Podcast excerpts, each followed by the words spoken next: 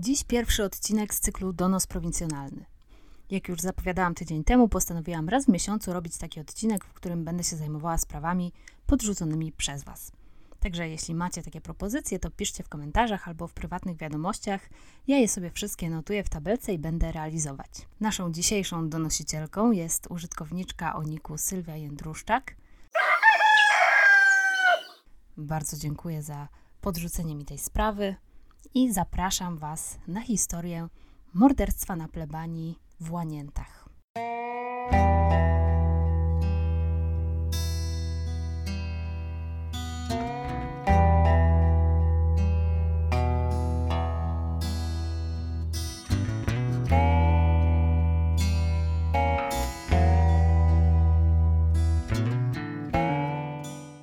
Hasło morderstwo na plebanii brzmi jak z kryminałów Agaty Christie. Choć ta sprawa raczej jest mniej wysublimowana niż klasyczne intrygi, w których specjalizowali się Poirot i Panna Marple, a że historia będzie o zbrodni z zazdrości o księdza, to dedykuję ten odcinek mojej przyjaciółce Oli.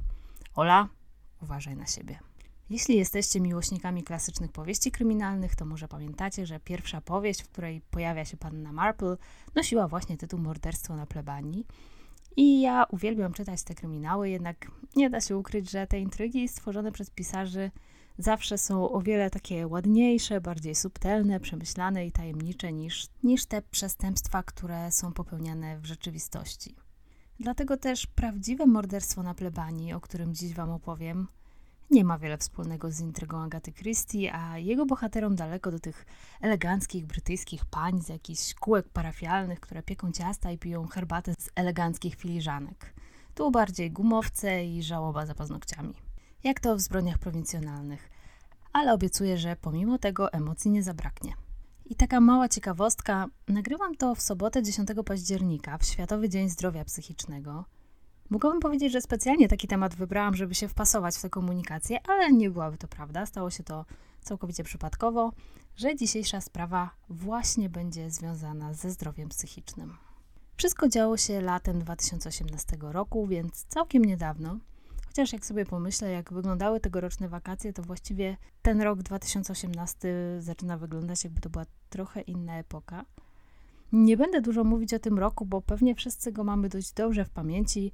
Ale tak w dużym skrócie przypomnę, że był to rok, w którym wszyscy się podniecali polską reprezentacją w piłce nożnej i miało być jak nigdy, a potem był mundial w Rosji i wyszło jak zwykle. Ponadto rok 2018 przyniósł nam obchody stulecia odzyskania niepodległości przez Polskę, ustawę o zakazie handlu w niedzielę oraz falę protestów w sprawie zaostrzenia prawa aborcyjnego. A w Wielkiej Brytanii książę Harry poślubił Meghan Markle, w związku z czym teraz praktycznie już nie jest księciem. Przy okazji odkryłam też, że w 2018 roku odbyły się czwarte Mistrzostwa Świata w Quidditchu i zastanawiam się, czy to się na poważnie odbyło, czy po prostu ktoś sobie zrobił żart i wrzucił coś takiego do Wikipedii i do tej pory nikt na to nie zwrócił uwagi.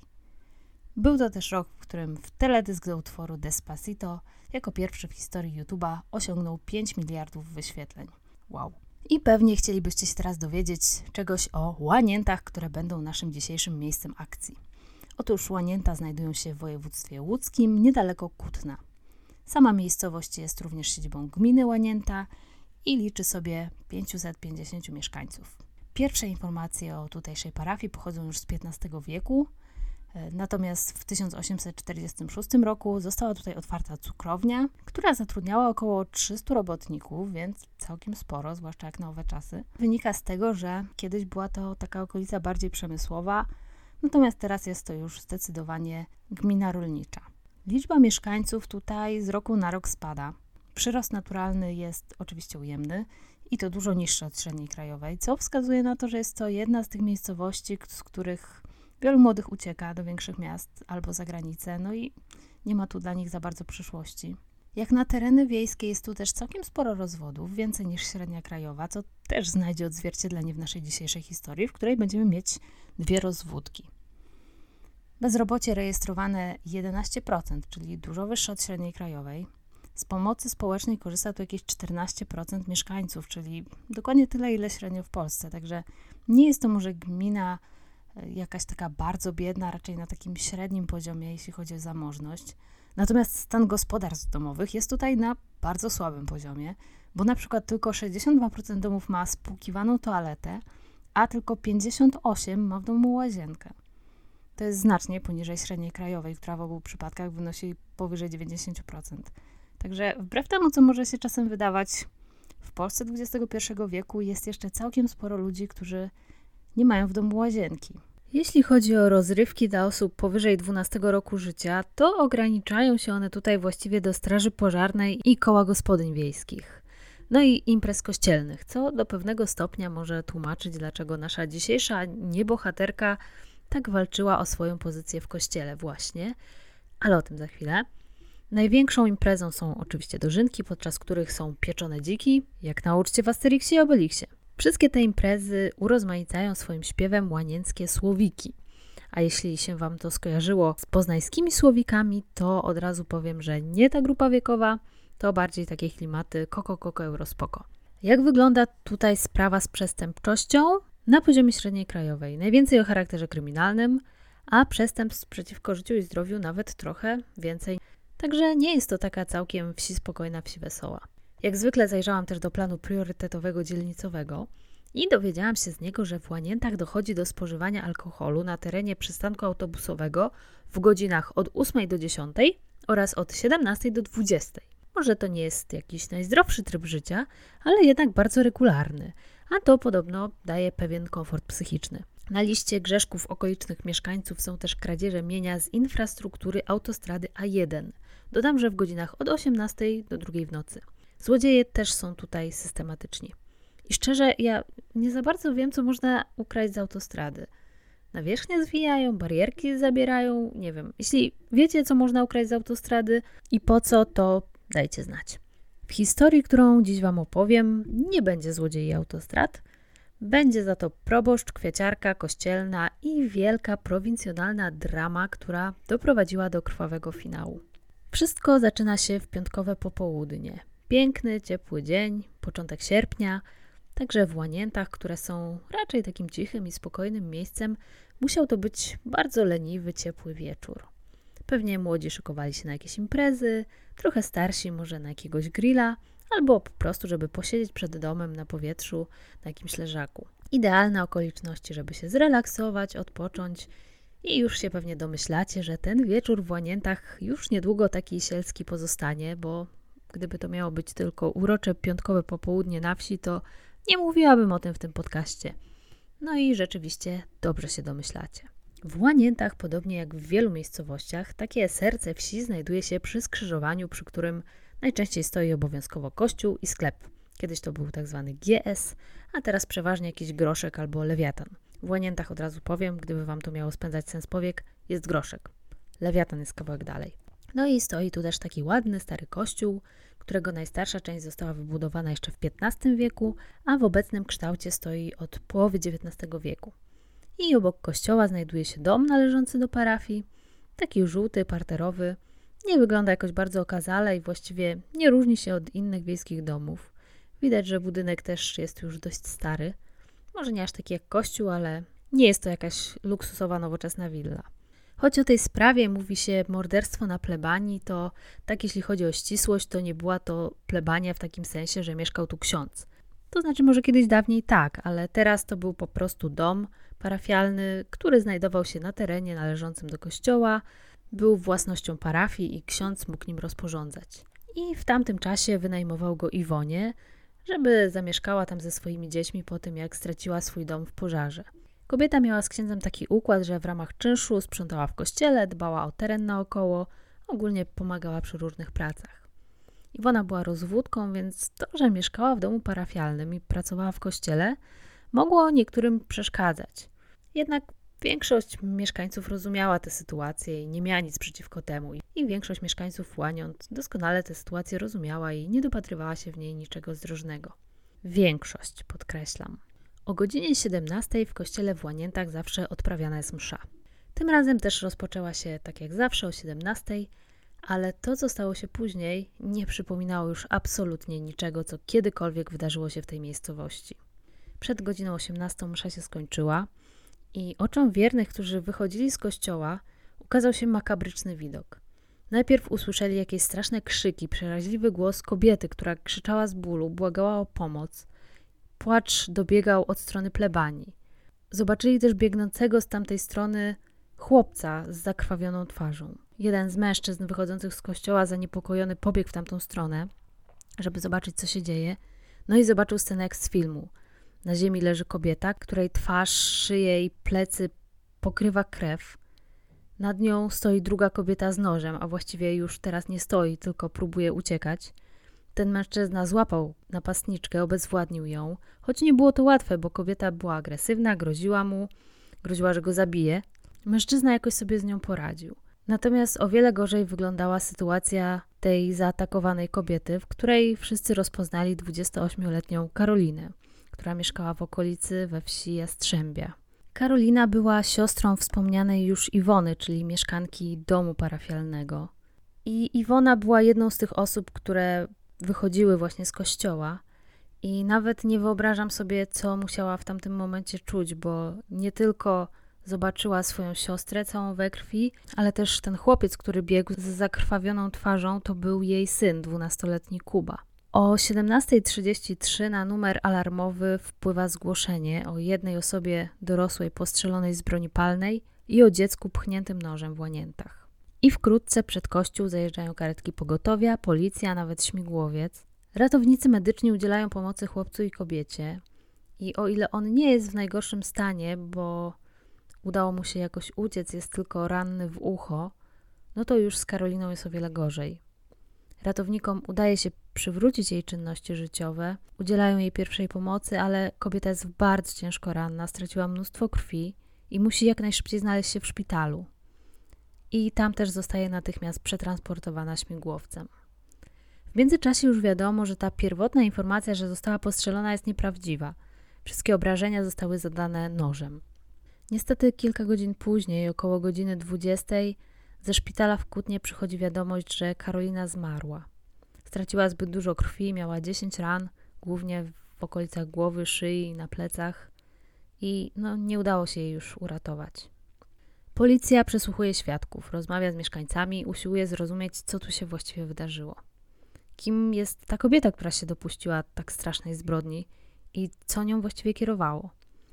Pierwsze wrażenie tych, którzy znajdują się na miejscu zdarzenia, jest takie, że kobieta jest pod wpływem jakichś środków psychoaktywnych, bo jej zachowanie jest absolutnie irracjonalne.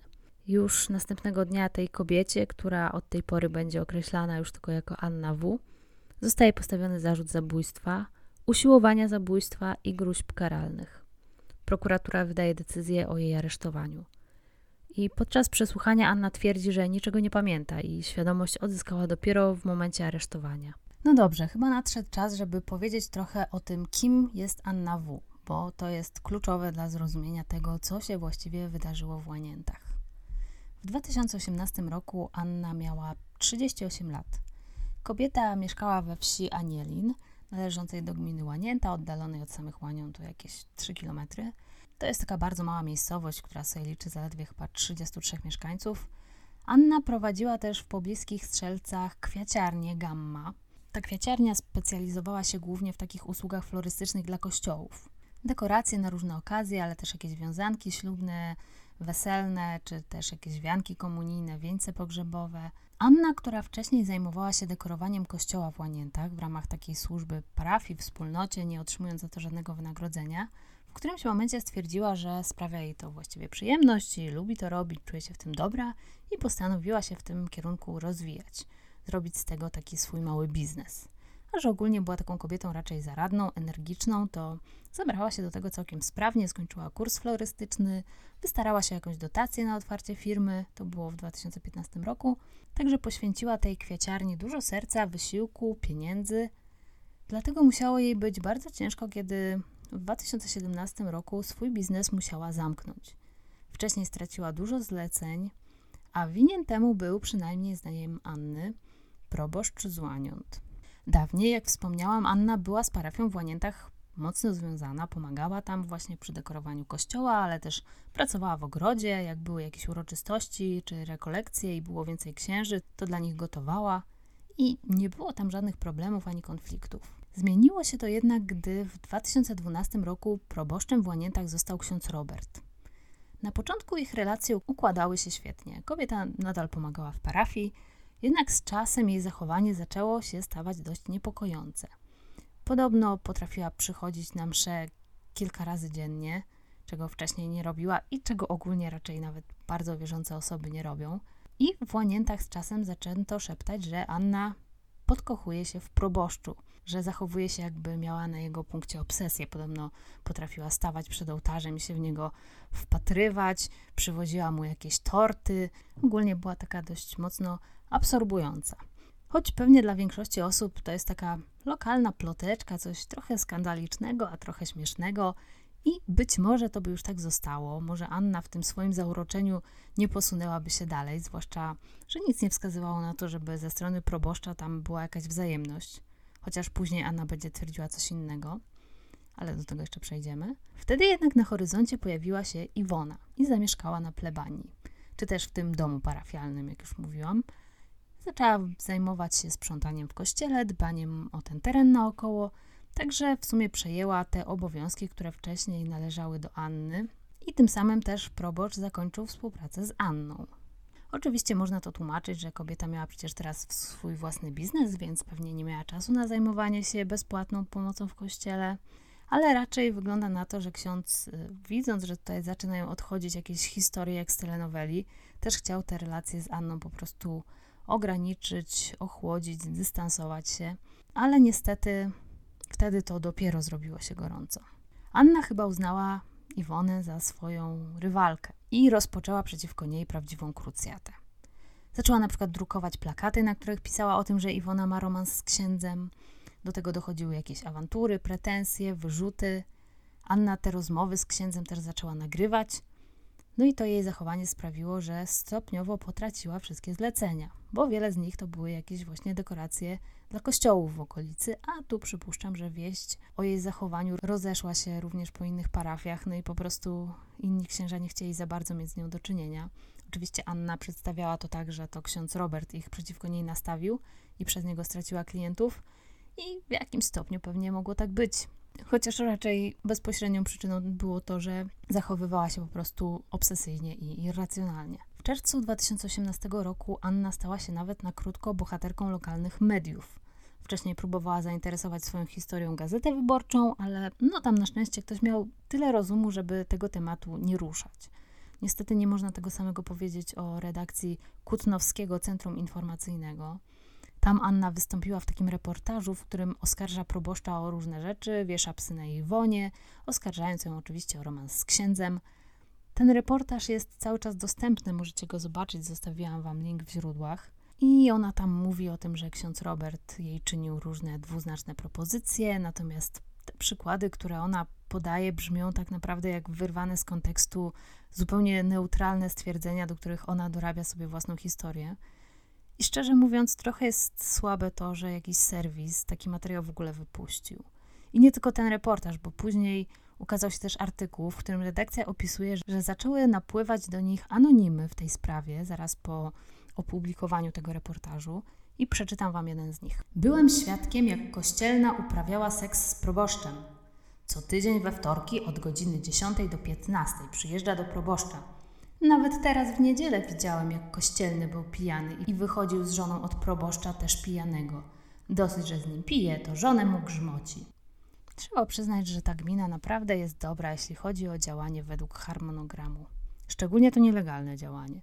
Tu wszystko ma swój czas. Wszyscy wiedzą, w jakich godzinach się okrada autostradę, alkohol na przystanku też od do i nawet proboszcz systematycznie o ściśle wyznaczonych godzinach grzmoci kościelną. Powinien to jeszcze mieć wypisane na tablicy ogłoszeń z godzinami pracy kancelarii parafialnej. Problem był taki, że wszystkie te listy były napisane w podejrzanie podobny sposób i wszystkie pojawiły się następnego dnia po publikacji. No i cały ten artykuł zakończony jest taką mocną sugestią, że prawdopodobnie wszystkie te anonimy są dziełem Anny, która chce po prostu zniesławić proboszcza, w którym się podkochiwała, a ten odrzucił jej względy, więc teraz się mści.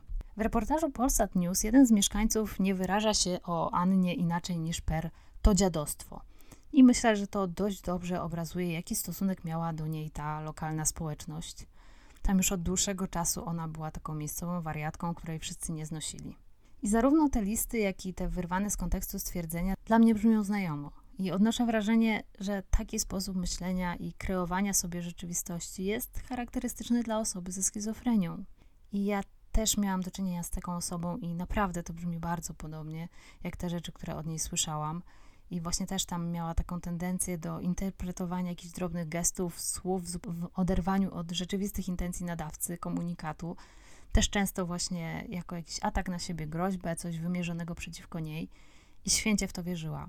Też wysyłała jakieś listy, w których oczerniała różne osoby z rodziny, opisywała jakieś rzeczy, które się nigdy nie wydarzyły.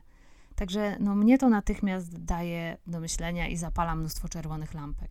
I szkoda, że nie dało to też do myślenia komuś z tego portalu. I mam wrażenie, że bardzo wiele złego zrobiło w tej sprawie to zainteresowanie mediów, które najpierw dały tej Annie poczucie, że jej wierzą, że pozwalają się wypowiedzieć, że jej słuchają, a później ją dyskredytują i publikują coś, co ją totalnie ośmiesza. Bo wydaje mi się, że nie trzeba być geniuszem, żeby zauważyć, że tak zachowuje się osoba niestabilna emocjonalnie i ewidentnie mająca jakieś problemy. I to chyba nie jest coś, co należy opisywać w gazecie i wyśmiewać. I te publikacje doprowadziły tylko do eskalacji tego konfliktu. Anna uznała, że została zniesławiona, zaczęła wytaczać procesy niektórym mieszkańcom Łaniąt i tak w styczniu 2018 roku odbyła się sprawa, którą Anna wytoczyła księdzu Robertowi, którego oskarżyła o pomówienia i o szykanowanie jej za to, że jest rozwódką. Co daje do myślenia o tyle, że Iwona też była rozwódką i proboszczowi to jakoś nie przeszkadzało w wynajęciu jej domu.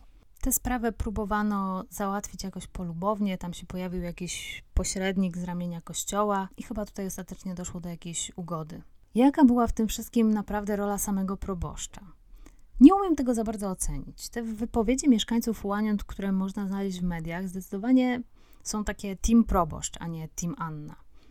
Ale no to jeszcze niczego nie dowodzi. W tych fragmentach nagrania rozmowy, które pojawiają się w tym pseudoreportażu, ksiądz szczerze mówiąc nie brzmi jakoś wyjątkowo przyjemnie.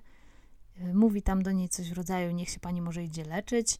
Ale to nie jest taka rada dobra, tylko takie nieprzyjemne, jak to się czasami mówi komuś w kłótni, idź się leczyć. I z jednej strony może ksiądz powinien inaczej z nią rozmawiać, a z drugiej, no jeśli to już była jakaś kolejna konfrontacja, w której ona miała do niego jakieś niedorzeczne pretensje, no to ksiądz też człowiek i też mu mogły puścić nerwy.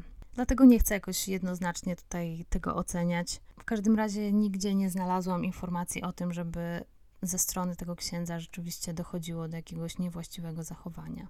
Kolejny pozew wpłynął przeciwko Iwonie. Anna oskarżyła ją o zniesławienie, co było dość absurdalne, biorąc pod uwagę, że to ona rozklejała po okolicy plakaty oczerniające Iwonę. I proces odbył się właśnie 3 sierpnia 2018 roku. I nie będzie pewnie dla Was zaskoczeniem, jak powiem, że sąd uniewinnił Iwonę. Kobieta wróciła do Łaniąt, zjadła obiad z siostrą, która do niej przyjechała tego popołudnia i razem z córką poszła na mszę na godzinę 17, a Karolina została w tym czasie w domu z jej synem. No i wtedy doszło do tragedii. Anna wybiła szybę w oknie i przez okno wdarła się do mieszkania. Miała przy sobie wojskowy nóż, miotacz gazowy i wiatrówkę. Najpierw zaatakowała Kubę, krzyczała, czy jego matka jest w domu, gdzie jest. Zraniła go nożem w ucho, następnie rzuciła się na Karolinę i nie wiadomo dokładnie, czy dlatego, że pomyliła ją z Iwoną, czy już po prostu doszła do takiego poziomu obsesji, że kompletnie nad sobą nie panowała i było jej wszystko jedno, kogo zaatakuje. Sama Anna twierdzi, że tego zdarzenia w ogóle nie pamięta i nie przyznaje się do winy. I zakończenie tej historii Wam się nie spodoba, bo w styczniu 2019 roku prokuratura umorzyła dochodzenie w sprawie Anny W. Po kilku miesiącach obserwacji psychiatrycznej wydano opinię, że kobieta jest niepoczytalna i nie może odpowiadać za swoje czyny. Lekarze uznali, że wciąż może jednak stanowić zagrożenie, że istnieje niebezpieczeństwo, że znów popełni jakieś przestępstwo.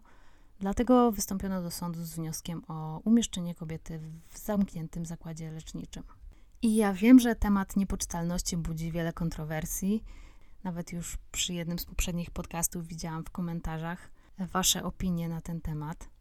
No bo co to właściwie znaczy? Ktoś żył ileś tam lat w społeczeństwie, był w stanie normalnie funkcjonować, pracować, prowadzić firmę, płacić podatki, a tu nagle popełnia ciężkie przestępstwo i okazuje się, że nie jest zdolny do tego, żeby za nie odpowiadać.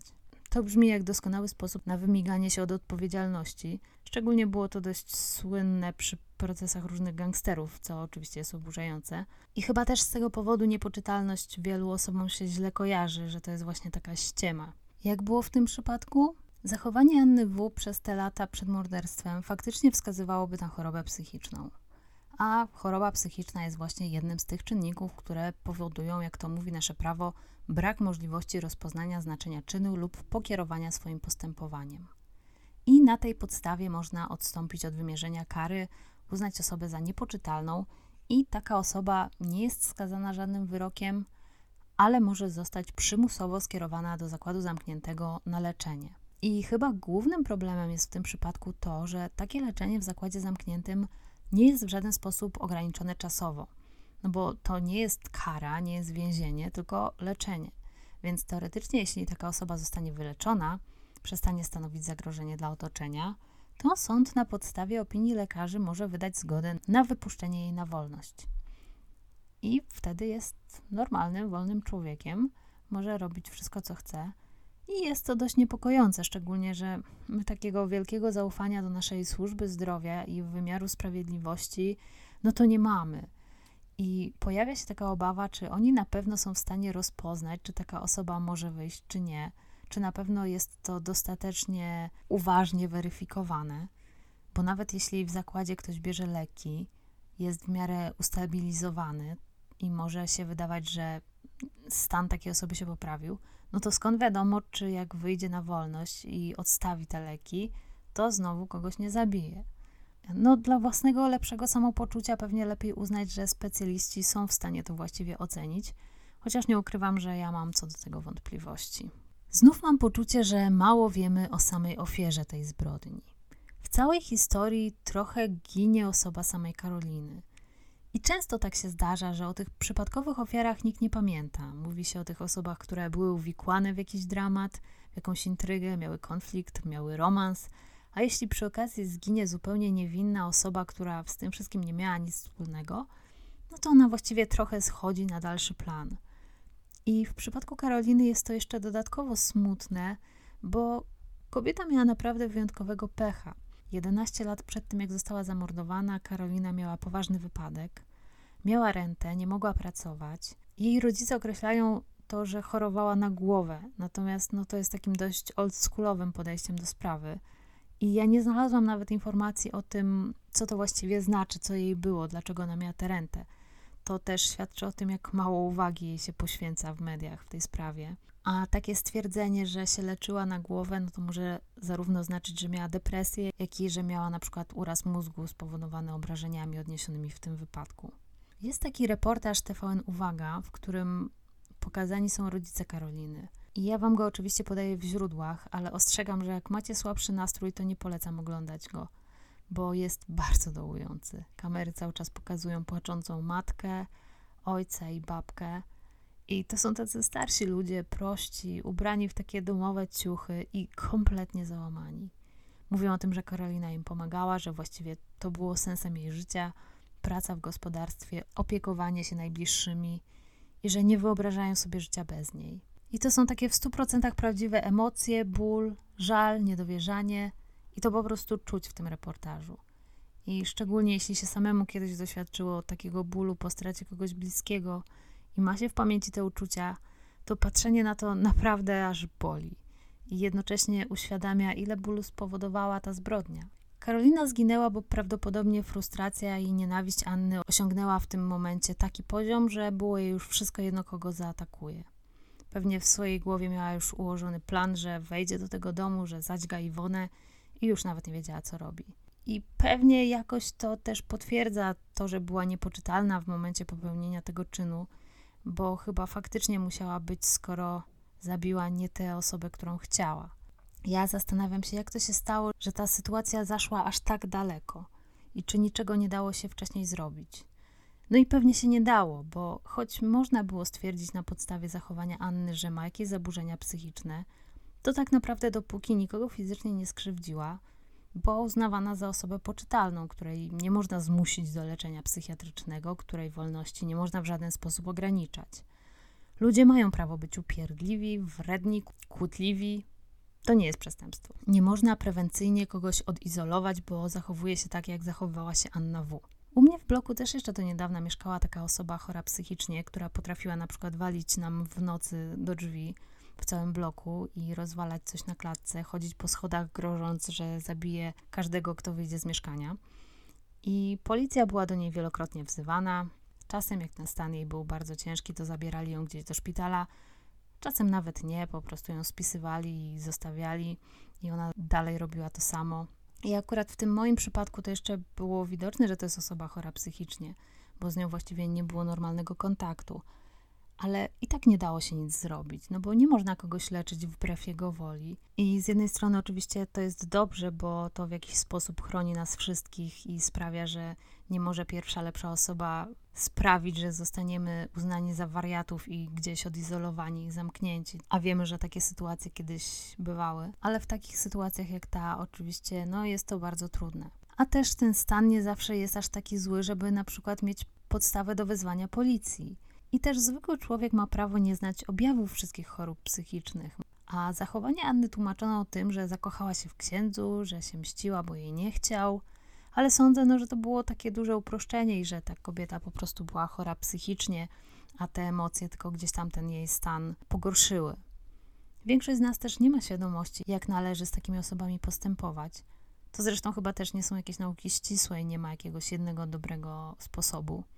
Zresztą nawet jeśli już wiemy, że ktoś jest chory psychicznie, to zwykle nie jesteśmy w stanie tak zupełnie wyłączyć naszych emocji, nabrać dystansu i nie reagować na to, co taka osoba robi, albo nie czuć się tym jakoś dotkniętym. Ja też to wiem z, trochę z własnego doświadczenia, dlatego nie chcę potępiać mieszkańców Łaniąt, bo nie wątpię, że Anna zaszła im za skórę i utrudniała im życie. I to też przesłaniało im fakt, który jest oczywisty, kiedy się na to patrzy tak na chłodno, że wynikało to po prostu z jej zaburzeń i z jej choroby psychicznej. I to, że w pewnym momencie wszyscy naokoło byli przeciwko niej, że została wykluczona ze społeczności lokalnej, co dodatkowo odbiło się też na jej biznesie, na pewno nie pomogło w jej stanie. I na pewno ona, czując się taka osamotniona, odrzucona, mając poczucie, że świat jest przeciwko niej, a ona tylko chciała dobrze, tym bardziej agresywnie reagowała. Nie usprawiedliwiam natomiast lokalnych mediów, które wykorzystały ją dla taniej sensacji.